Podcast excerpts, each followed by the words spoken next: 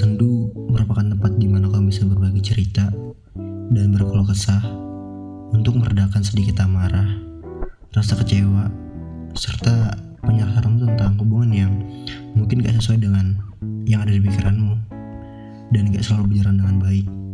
Selamat datang di Ruang Sendu.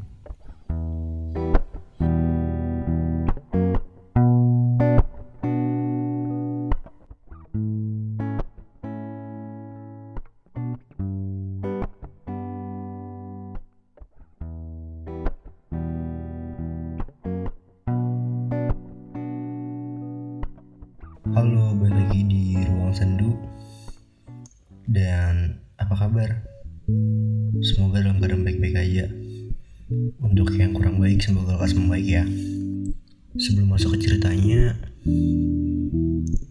Aku atas nama Rosid Ingin mengucapkan Mohon maaf lahir dan batin Karena kita baru aja lebaran Idul Fitri.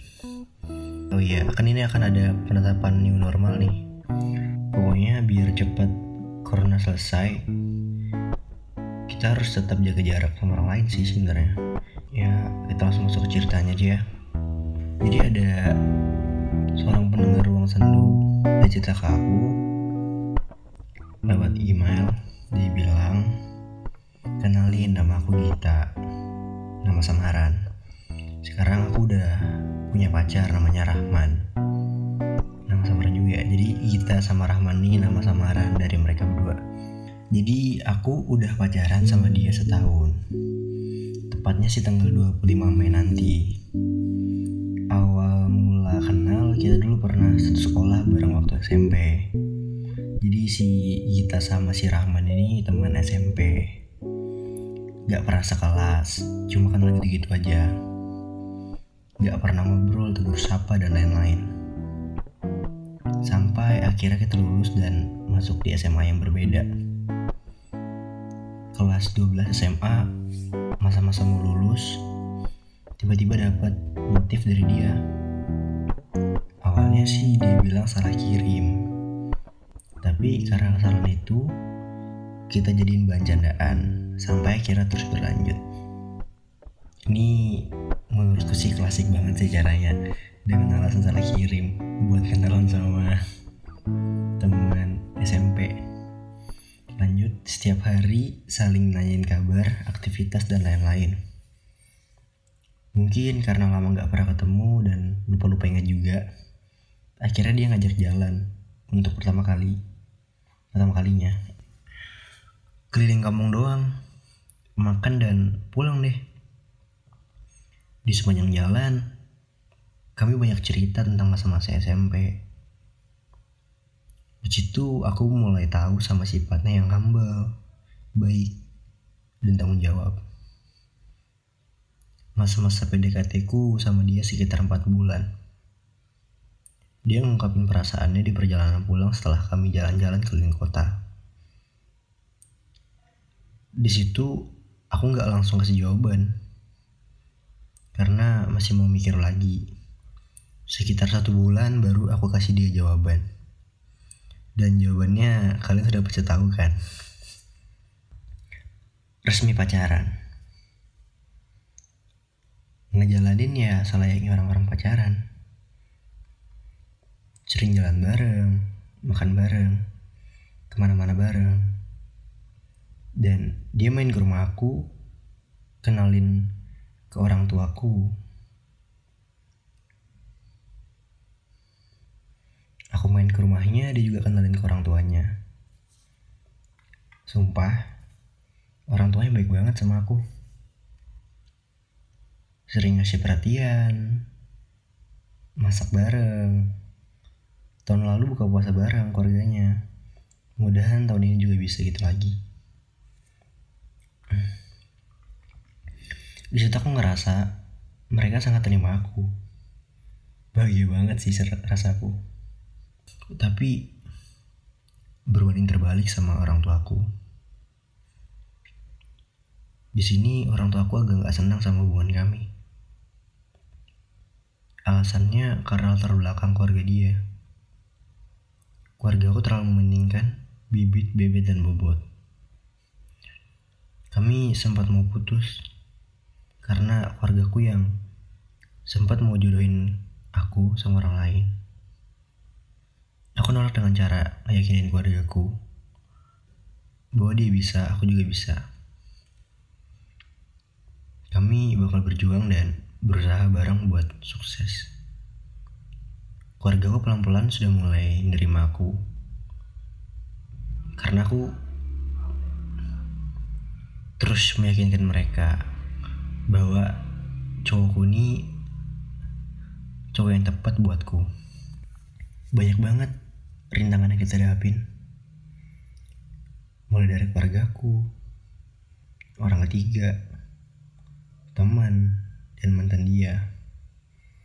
Tapi perlahan kita bisa ngelewatin dan menyelesaikan suatu satu-satu dengan cara yang dewasa. Aku harus daftar kuliah dan menetap di Samarinda. Semenjak itu, aku mulai ngerasa ada yang beda dari sikapnya. Karena kami harus LDR cuma bisa chattingan, telepon atau video call. Mungkin yang ada di pikirannya aku bakal deket-deket sama teman sekampus. Tapi beda sama aku. Aku ngerasa kalau dia udah mulai bosan. Ditambah jarang ketemu. Karena kesibukan masing-masing. Aku harus kuliah sambil kerja sampai gak bisa pulang.